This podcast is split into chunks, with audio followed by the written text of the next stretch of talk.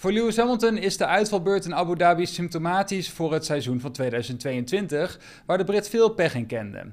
Ondanks dat dit jaar op papier het slechtste jaar van de zevenvoudig wereldkampioen is geweest, wijst hij naar 2011 als het moeilijkste jaar dat hij kende.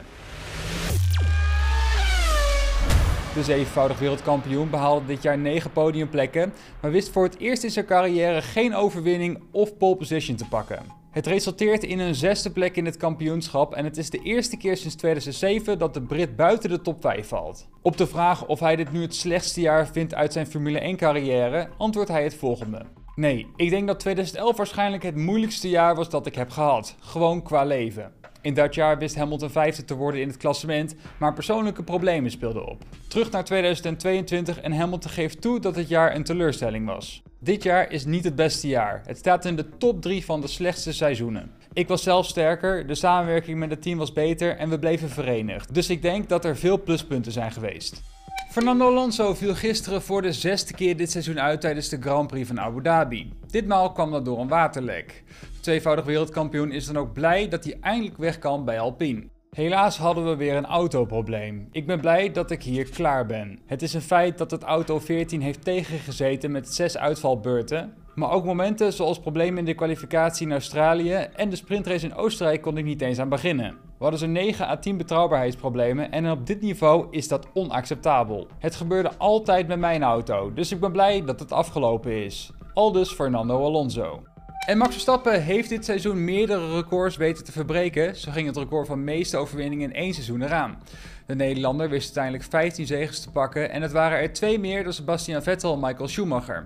Een ander record van Vettel blijft wel intact. Dit seizoen wist Max het record met meeste overwinningen in één seizoen te verbreken, al had Verstappen daar wel een aantal extra races voor nodig. Zo deed Schumacher het met 18 races en moest Vettel het doen met 19. En Max had dit seizoen maar liefst 21 races in totaal. Desalniettemin staat het record toch vanaf dit seizoen op de naam van Verstappen en kan hij tevreden terugkijken op het seizoen. De Limburger vist echter wel achter het net als het gaat om een ander record die hij van zijn Duitse collega had kunnen afpakken. De afzwaaiende Vettel wist zijn dominante seizoen in 2013 namelijk kampioen te worden met de grootste marge ten opzichte van de nummer 2 Fernando Alonso die in de Ferrari reed. Die marge was maar liefst 155 punten. Verstappen had het record afgelopen weekend met veel geluk nog kunnen pakken, maar komt uiteindelijk 9 punten tekort ten opzichte van de Duitser.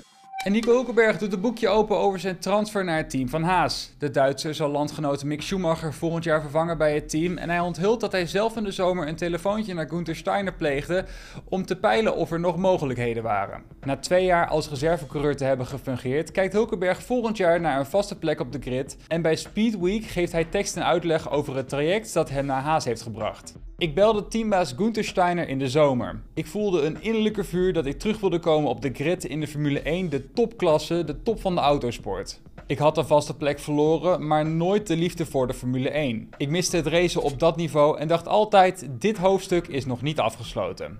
Nico Hulkenberg. Williams heeft officieel bevestigd dat Logan Sargent in 2023 voor het team zal racen na het behalen van zijn superlicentie tijdens de Grand Prix van Abu Dhabi. Logan wordt de eerste Amerikaan die in de Formule 1 race sinds Alexander Rossi in 2015. Tijdens de Grand Prix van de Verenigde Staten in oktober kondigde Williams-teambaas Joost Capito het plan aan om Sargent in te zetten in de plaats van Nicolas Latifi, hoewel het gepaard ging met het voorbehoud dat de coureur zijn FIA superlicentie zou halen. Nadat hij als vierde eindigde in het Formule 2-klassement in zijn rookiejaar, werd deze accreditatie veiliggesteld nadat hij als vijfde eindigde in de laatste hoofdrace in Abu Dhabi. De Amerikaan zei het volgende over dit nieuws. Het is een enorme eer en droom die uitkomt en deze kans te krijgen om samen met Williams in de Formule 1 te rijden. Ik wil iedereen bij Williams Racing en Doralton Motorsports enorm bedanken voor de steun die ze me hebben gegeven sinds de dag dat ik voor het eerst bij het team kwam tijdens de Grand Prix van de Verenigde Staten in 2021. Het afgelopen jaar deel uitmaken van de Williams Driver Academy heeft me een belangrijk platform gegeven om me als coureur te ontwikkelen en me voor te bereiden op dit volgende hoofdstuk. Ik ben klaar en opgewonden om deel uit te maken van deze reis, terwijl het team ernaar streeft hoger op de grid te komen. Aldus Logan Sargent.